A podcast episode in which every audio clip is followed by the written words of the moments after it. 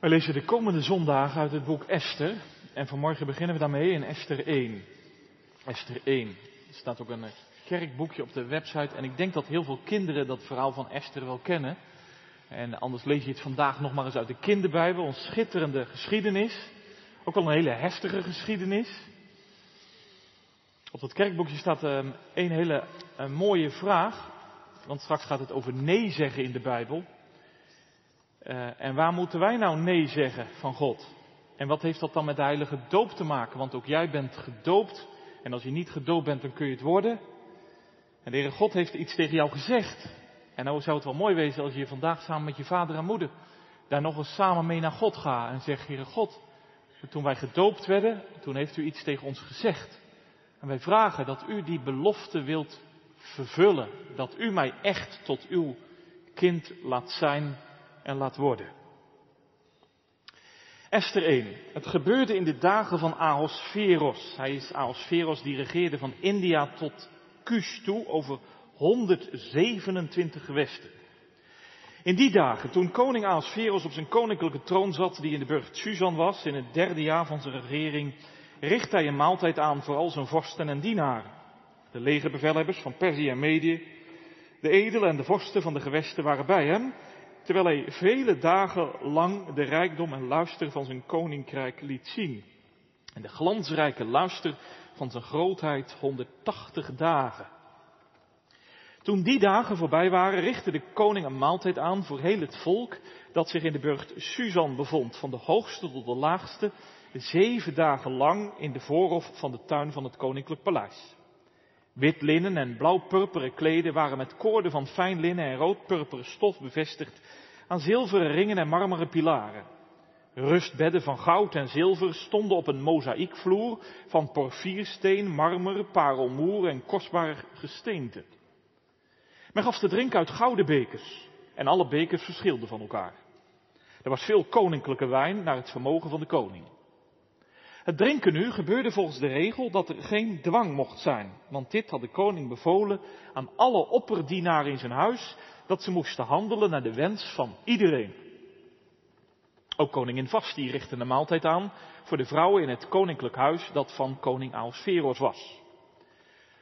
Op de zevende dag, toen het hart van de koning vrolijk was door de wijn, zei hij tegen Mehumam, Bista, Garbona, Bichta en Abachta, Setar en Gargas, de zeven hovelingen die dienden in de tegenwoordigheid van koning Ahasveros, dat ze koningin Vasti bij de koning moesten brengen, met de koninklijke diadeem getooid om aan de volken en de vorst schoonheid te tonen.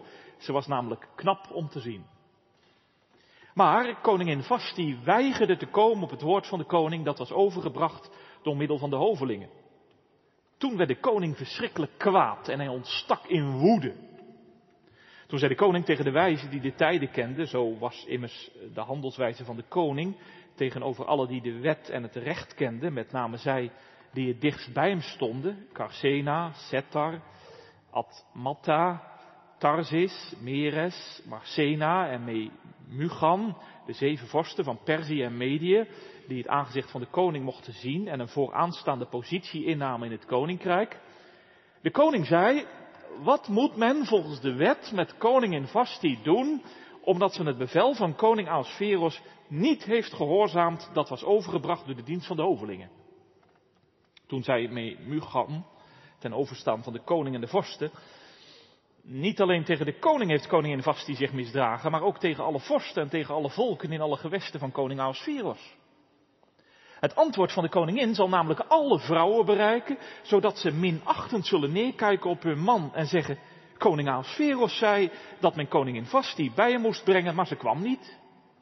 Op deze dag zullen de vrouwen van de vorsten van Perzië en Medië, die het antwoord van de koningin hebben gehoord, ook zo spreken tegen alle oversten van de koning.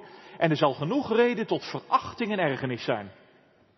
Als het koning goeddunkt, laat er dan een koninklijk besluit van hem uitgaan, dat schriftelijk wordt vastgelegd in de wetten van Perzië en Medië, zodat het niet herroepbaar is, dat Vasti niet meer bij koning Ahasveras mag komen. En laat de koning haar koninklijke waardigheid geven aan een andere vrouw die beter is dan zij. Wanneer dit bevel van de koning gehoord zal worden, dat hij uitgevaardigd heeft in heel zijn koninkrijk, want het is groot, dan zullen alle vrouwen eerbied hebben voor hun man, van de hoogste tot de laagste. Dit voorstel nu was goed in de ogen van de koning en de vorst. En de koning handelde naar het woord van Memugan. En hij zond brief aan alle gewesten van de koning, aan elk gewest in zijn eigen schrift en naar elk volk in zijn eigen taal, dat elke man heer en meester moest zijn in zijn huis, overeenkomstig de taal van zijn volk moest spreken. Vervolgens lezen we uit het Nieuwe Testament, uit 1 Petrus 3. 1 Petrus 3, vanaf vers 13 tot met het einde.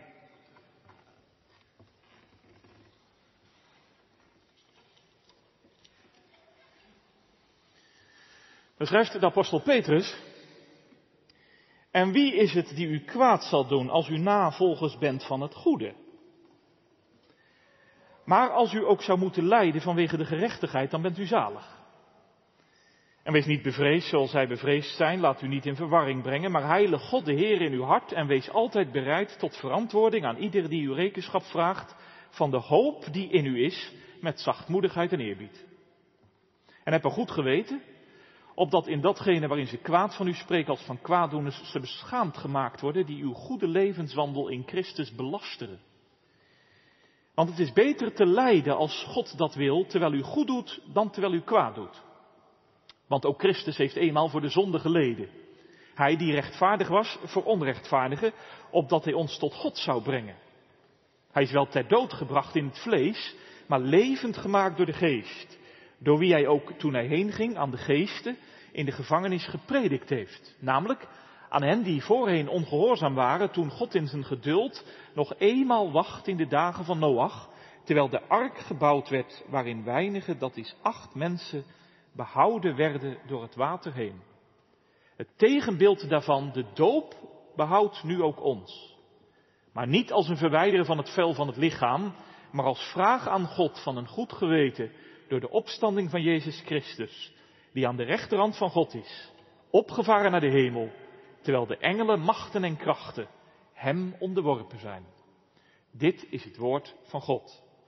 Spits van de preek en de tekst die uh, jullie kinderen vooral meekrijgen is vers 12a. We lezen ook 8. Het vers 8, daar staat het drinken nu gebeurde volgens de regel dat er geen dwang mocht zijn. Want dit had de koning bevolen aan alle opperdienaren in zijn huis, dat ze moesten handelen naar de wens van iedereen. En vers 12a, maar koningin Vasti weigerde.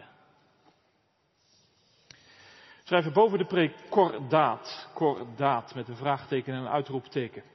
Drinken nu geboren volgens de regel dat er geen dwang mocht zijn, want dit had de koning bevolen aan alle opperdienaren in zijn huis dat ze moesten handelen naar de wens van iedereen. Maar koningin Vasti weigerde. Kordaat. Gemeente hier thuis in Rehoboth.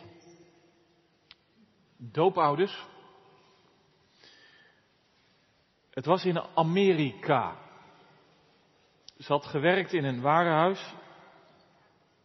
Ze stapte op bus naar huis. Achterin zaten de zwarte mensen en voorin zaten de blanke mensen.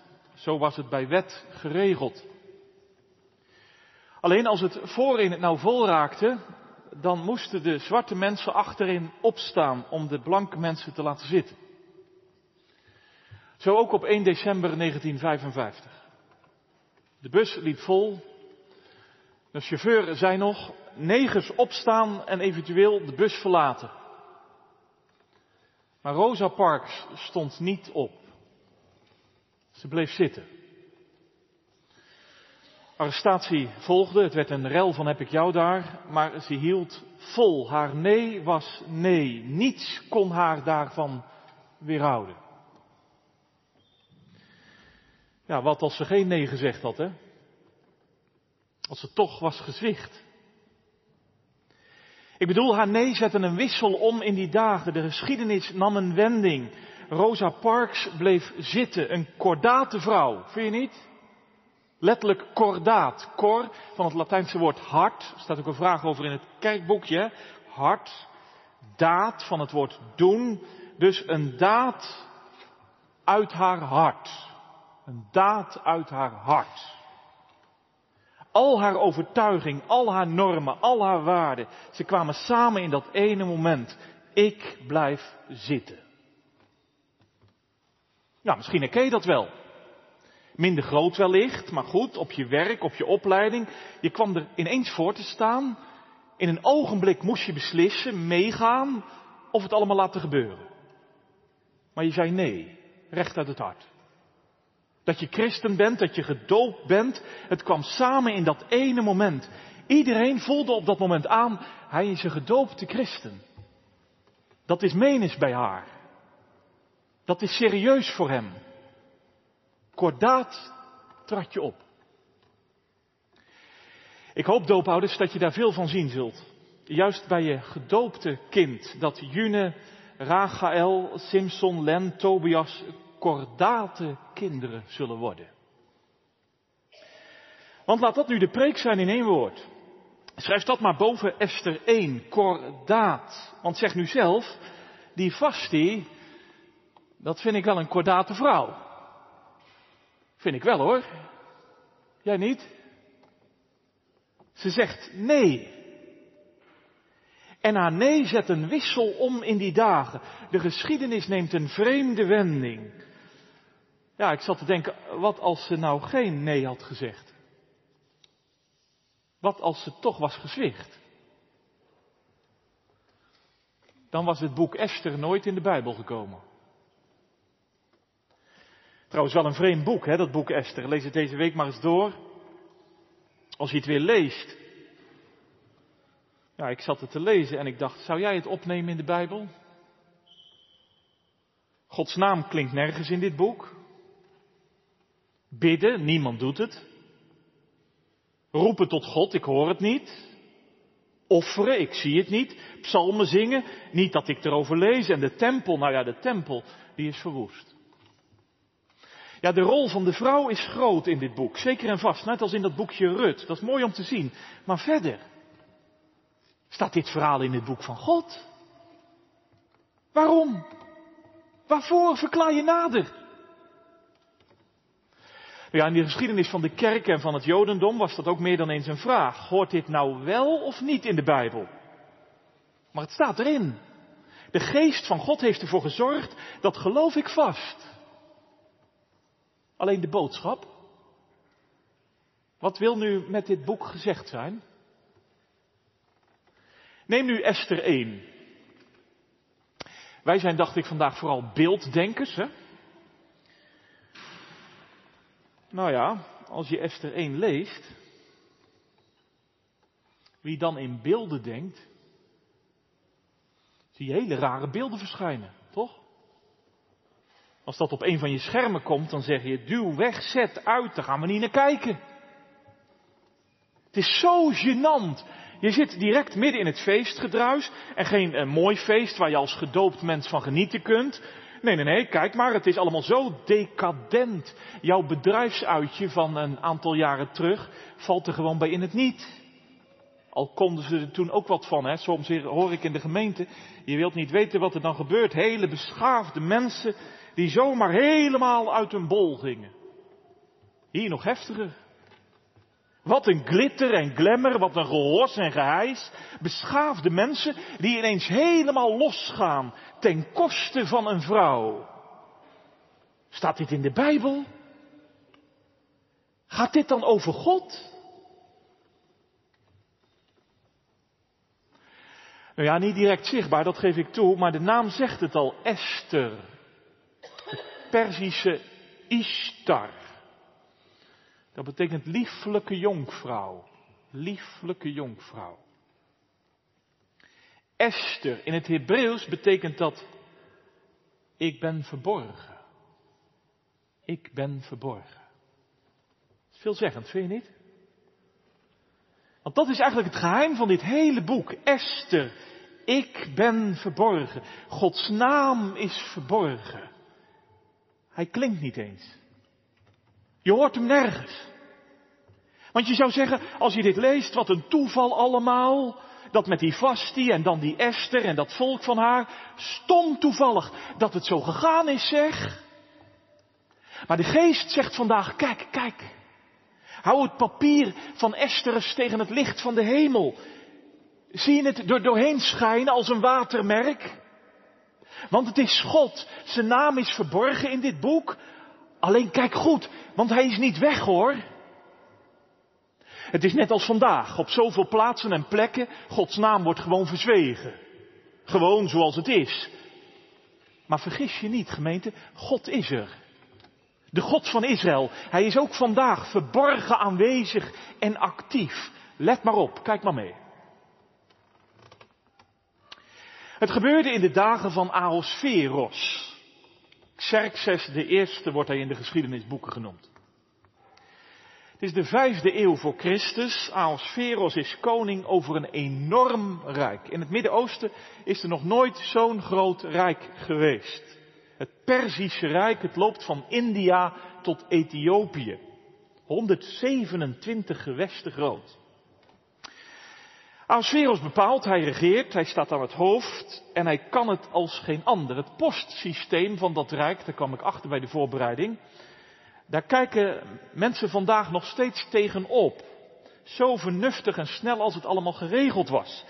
De gewesten in dat rijk die werden binnen no time op de hoogte gesteld als de koning een bepaalde wet uitvaardigde of als de koning iets wilde. Natuurlijk wel zo handig in zo'n machtig rijk. En ook Canaan is onderdeel van dit rijk. Het is waar, onder Kores zijn verschillende Joden teruggegaan naar Jeruzalem en naar Canaan.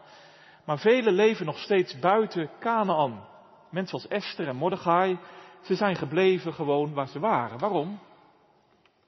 Hun werk, hun woning, hun akkers, hun zekerheid, hun inkomen, goed mogelijk. Maar goed, in het derde jaar van die koning Ahasveros richt hij een maaltijd aan. En die maaltijd duurt wel 180 dagen lang, bijna een half jaar. Ongekend. Waarom doet hij dat? De geschiedenisboeken die zeggen, dat is de tactiek van Ahasveros. Hij wil strijden tegen de Grieken. En daarom roept hij al de aristocraten bij elkaar om ze er een beetje warm voor te maken. Een soort feestconferentie. Hij wil ze meenemen en daarom heft hij eerst het glas met hen in Susan, een plaats in het huidige Iran. En daar in de burcht van Susan, daar resideert de koning. Een enorme plek. Opgravingen van vandaag hebben dat opengelegd. Een plek van wel vijf hectare groot. Compleet met drie binnenhoven. En een heel vrouwenverblijf aan de oostzijde. In die burcht gaat het naar een climax. De afsluiter, de klapper van het feest, een groot tuinfeest voor het hele volk. Van hoog tot laag, van arm tot rijk. Je mond val, valt open, alleen al de aankleding. Abnormaal. Maar wat is dat nu voor een feest? Stil hoor. Het is het feest van de vrijheid. Dat is het. Kijk zelf maar, vers 8 zegt, het drinkgelach gebeurde volgens de regel, geen dwang, ieders wens vervullen. Zo. Geen dwang als een regel. Letterlijk staat daar als een wet. In het Hebreeuws is dat het woord daad. Nou, en die wetten van Aosferos, die staan als een huis. Het is het kernwoord in dit hoofdstuk. Wet, wet, wet, wet van Mede en Persen. Je kunt er niet tegen ingaan, je kunt het ook niet herroepen. Zo is het niet anders. Nou, dat klinkt op zich heel mooi, toch? Geen dwang, ieders wens vervullen. Dat is de wet. Zeker in die dagen. Heel wat dictators deden natuurlijk in die dagen anders. Hè? Die zeiden je moet dit en je zult dat. En ja, van die Kim Jong-un figuren, ja je weet het wel. Maar hier, ga uw gang. U bent vrij. Wat u wilt, zo u wilt. We gaan het doen, we komen bij u. Voel u vrij. Ja, dat komt in de richting van ons liberalisme vandaag. Toch? Leven de vrijheid, ieders wens moeten we vervullen. Als jij iets wilt, laat je door niks tegenhouden. Als jij iets wenst, laat je niet belemmerd worden. Op allerlei gebieden, op haast elk terrein. We zien het op de scholen en de vrijheid van onderwijs. We horen het in de politiek en de medisch-ethische agenda. Geen dwang, ieders wens vervullen. En wees eerlijk, dat wij niet in Kabul leven, dat is ook wel reden tot grote dankbaarheid. Dat je kind straks in vrijheid opgroeien mag, zelf kan kiezen, wat ga ik leren, waar ga ik werken, waar wil ik wonen. Wees er dankbaar voor. Alleen, alleen Esther staat in de Bijbel. Het boek van God, de lamp voor mijn voet en het licht op het pad van mij en mijn hele gezin. Juist ook nu. En ik geloof zo vast dat licht van God, dat doorlicht ook vandaag onze tijd. En de tijdgeest waar jullie kinderen in zullen ademen en opgroeien. Kijk zelf maar. Want dat feest van de vrijheid, dat is mooi. Als je vooral meedoet. Als je nergens moeilijk over doet. Als je meegaat met de meute en wat men vindt en men denkt. Alleen als je dat nog niet doet. Als je op bepaalde momenten en punten halt houdt. Nee, niet dom en onbehouden. Niet bekrompen en kleingeestig, maar kordaat. Als een harte daad. Omdat Gods wil voor je heilig is. Omdat Gods verlangen ook jouw verlangen geworden is. Wat nu als die wil van God vandaag botst met wat men wil? Op het terrein van geld en goed, van praten en doen, relaties, seksualiteit, ethiek en moraal. Wat nu als het verlangen van God botst met wat men vandaag verlangt? Ja, dan kan die vrijheid zomaar omslaan. Mensen gaan slachtofferen. Kijk zelf maar, het feest is op stoom, het moet naar een hoogtepunt en Ahasveros heeft een magnifiek idee. De koningin. Ze is goed om te zien. Je begrijpt het al lang. Vasti betaalde tol van dat liberale vrijheidsfeest. Uitgerekend, deze vrouw krijgt geen keus. Aan haar wens wordt niet voldaan. Komen, onthullen, ontsluieren, optreden, met alleen een diadeem op je hoofd. Kom op, haal haar hierheen. Nu zal het gaan gebeuren. Het ultieme vrijheidsgenot. Alleen stil hoor. Maar koningin Vasti weigerde. Nog een keer. Maar koningin Vasti weigerde. Ja, zeg je, dat mag toch? Aan ieders wens moet worden voldaan, dat was toch de wet? Nou, dat is haar wens. Nee, nee, nee, kijk uit. Want nu komen er ineens krachten vrij, ongekend. Nu worden de machten zichtbaar, niet te filmen. Je voelt de spanning. De koning is woedend. In de grondtaal staat het heel sterk. Hij is toornig, grimmig, vergramd, onweer. Al zijn adviseurs haalt hij erbij, die kundig zijn in de wetsteksten, driftig bladeren ze in de wetsboeken. Wat moet men volgens de wet met koningin Vasti doen? Hoor je dat? Ineens gaan er allemaal juridische laadjes open. En ze denken, ja, zijn er geen wetten voor? Kunnen we wat doen aan die weigeraar? Vasti is intussen een object geworden. Haar redenen om te weigeren, ze worden niet eens gevraagd. En haar intenties om niet te komen, ze worden niet eens geproefd. Nee, wat te doen met die feestbederver? Zie het gebeuren? Want dit zijn dus mannen die in opstand zo neerslaan in het Rijk. Maar een vrouw die weigert, ze zijn er doodsbenauwd voor. Ja, weet je waar ze bang voor zijn? Vers 17 zegt, ja, dat is bijna lachwekkend. Die zegt, Straks volgen alle vrouwen dit voorbeeld en dan kunnen wij als mannen wel inpakken. Dat is hun angst. En Vasti, ze mag niet meer komen bij de koning. Dat is ook al zo lachwekkend, want dat was nu juist haar wens om niet te komen bij de koning. En dan nog iets, haar koninklijke waardigheid, die moeten we van haar afnemen.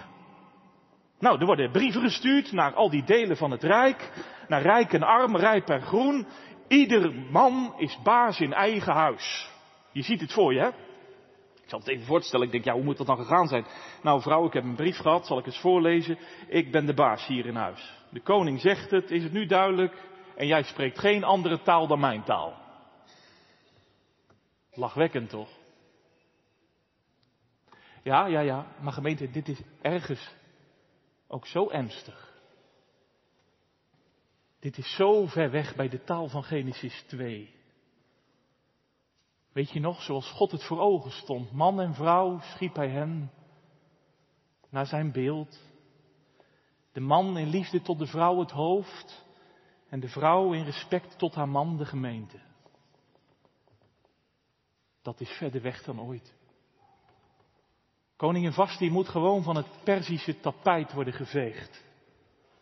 Zij betaalt de prijs van dat vrijheidsfeest. Gemeente, ziet u intussen al wat? Want vandaag werden de vijf kinderen gedoopt. Ze gingen door het doopwater heen en ze werden geroepen nee te zeggen tegen de duivel en heel zijn rijk. Ze werden weggeroepen uit deze wereld en haar wetten. Maar koningin Vasti weigerde. Ik zou zeggen, doophouders, lees nou elk jaar op 29 augustus de geschiedenis, deze geschiedenis van Esther met je kind. En dan heb je het er weer eens over. Vertel wat het haar, wat het hem te zeggen heeft. Dit was de tekst toen jij gedoopt werd. Maar koningin Vasti weigerde. Nee, begrijp me goed, Vasti is geen Jodin. Vasti is uiteraard ook geen christin. En de reden voor haar weigering, ze staan er niet eens. Maar toch laat zij iets zien. Want als Vasti, die heidense vrouw, al weigerde, daar en toen, dan wij helemaal, hier en nu. Toch? Ik bedoel, als het gaat over Gods wil. Als het in ons leven gaat over Gods verlangen. Op allerlei gebieden, elk terrein. Praat daar eens met elkaar over vandaag. Wat is die wil van God op dat terrein van mijn studie? Op het terrein van mijn werk? Op het terrein van mijn relaties? Zodat je kordaat zult zijn, juist in de keuzes die we vandaag maken. Want de gemeente is van Christus. U en ik, wij gingen door doopwater heen. Ontwapenend spreekt Petrus en zegt, wees nou niet bang. Laat je niet in verwarring brengen. Maar heilig God de Heer in je hart. En wees altijd bereid tot verantwoording. Geef rekenschap in de tijd en cultuur waarin je staat. Geef rekenschap van de hoop die in je is. Nou zeg eens, is die hoop in je? Is er hoop in jou, in u? Ja, zeg je hoop, hoop, welke hoop? Nou, iemand zei heel mooi, die zei, je met je wanhoop in het leven ophangen aan het woord en zeggen, kijk, daar komt al mijn verwachting van. Je met al je wanhoop ophangen aan Christus en zeggen, kijk, van Hem komt al mijn verwachting. Dat is hoop. Is die hoop in je? Dat je zegt, dat heb ik geleerd in mijn leven. Me helemaal vast te klemmen aan het woord. Me helemaal vast te klemmen aan Christus. Daar komt al mijn verwachting van. Of ben je door het doopwater heen gegaan. Maar echte hoop op Christus in je leven? Nee. En je hobbelt gewoon mee in je leven in het spoor van wat men vindt. Je pas je heel makkelijk aan binnen de lijnen van wat ze zeggen. En begrijp me goed, begrijp me goed. Het kan ook mij zo beïnvloeden. Ik ben er ook zo vatbaar voor. Ik zit vanmorgen naast je hoor. Want die liberale geest, hè, dat denken van doe nou niet moeilijk. Wees nou rustig. Wat zou het helpen? Ga er nou niet tegen in. Wat helpt dat nu? Waarom zou ik respecteer het nou? Dat is toch hun wens? Dat is toch hun leven? Dat is toch hun ding? Bemoei je er niet mee. Zo makkelijk laat ik me door dat denken ook inpakken en inpalmen. Alleen deze dienst schudt me wakker en zegt, maar koningin vast die weigerde. En Petrus vraagt vanmorgen, waar is je hoop? Geef je er nog rekenschap van? Nee, zeg je misschien, ja, ja, ja, rekenschap geven van de hoop die in je is, ja, ik ben gewoon niet zo'n type. Ik kan dat niet zo. Kijk, mijn zus kan dat en mijn vader kan dat ook. Maar ik, nee, sorry. Oh. Maar wat zegt het doopwater? Dat water van de doop wijst heen naar de wateren van het oordeel die over deze wereld zijn gegaan. Dat water wijst vanmorgen heen naar Hem, Jezus Christus. En hij kwam voor mensen in deze wereld die zo makkelijk meegaan. In de stroom van wat men vindt. In het bandenspoor van hoe men denkt. Ben jij dat? Bent u dat? Daar is hij voor gekomen. Ja, en weet je wat hij deed? Hij zei nee. Hij zei in zijn leven nee tegen alles wat tegen Gods wil ingaat. Hij zei nee tegen alles wat tegen Gods verlangen indruist. Het woord van zijn vader en de wil van zijn vader was heilig voor hem. En het duister van de zonde en het donker van het kwaad, hij liet zich er niet in meevoeren. Weet je waarom? Weet je waarom? Om deze wereld en om jouw leven vanmorgen weer bij God te brengen. Om al de machten en krachten ook in jouw leven, die tegen Gods wil en verlangen ingaan, aan Hem te onderwerpen. Jezus Christus. Gemeente, ik wijs hem u vanmorgen aan.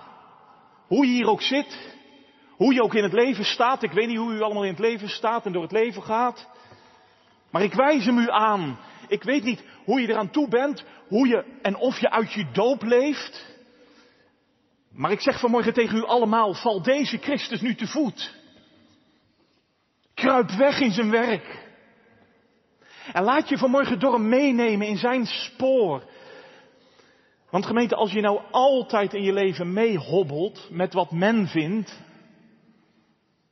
En als je met de wil van God en het verlangen van God in je leven een loopje neemt. Dan hoor je bij een wereld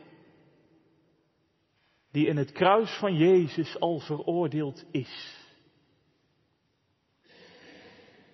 Hopeloos. Dan kom je eens om met deze wereld die veroordeeld is en veroordeeld wordt. Maar wacht eens, want wat heb je nou net gezien?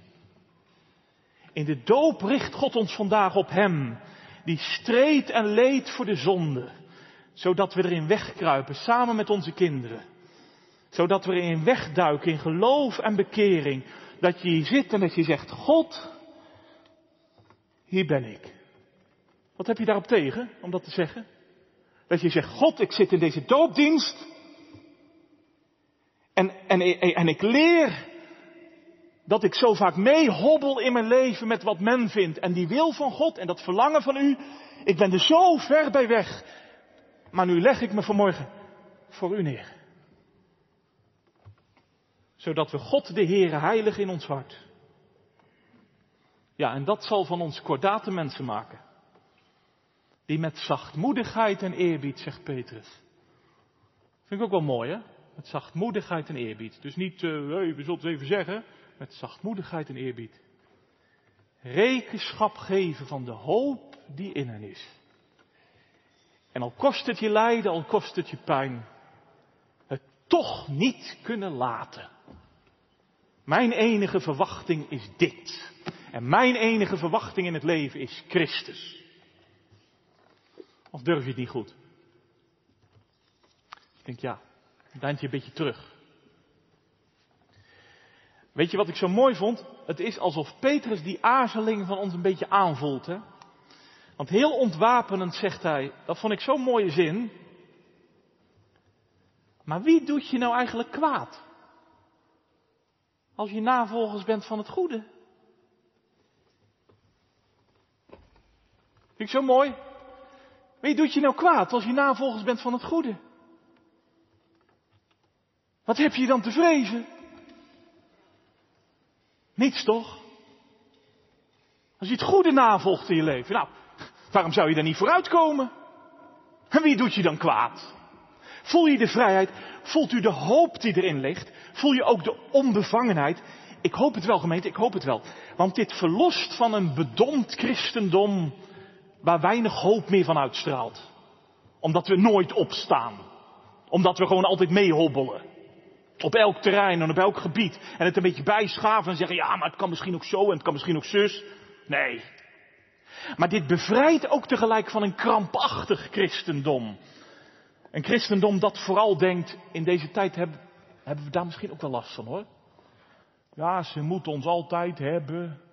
Wij zitten altijd in de hoek waar de klappen vallen. Ja, moeten ze ons weer hebben? Nee. Als u het goede navolgt.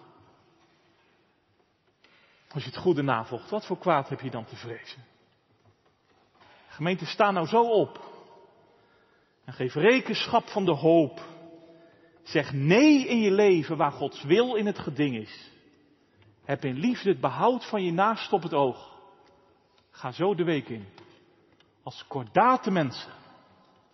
Ga zo met June, Rachael, Simpson, Len, Tobias het leven door.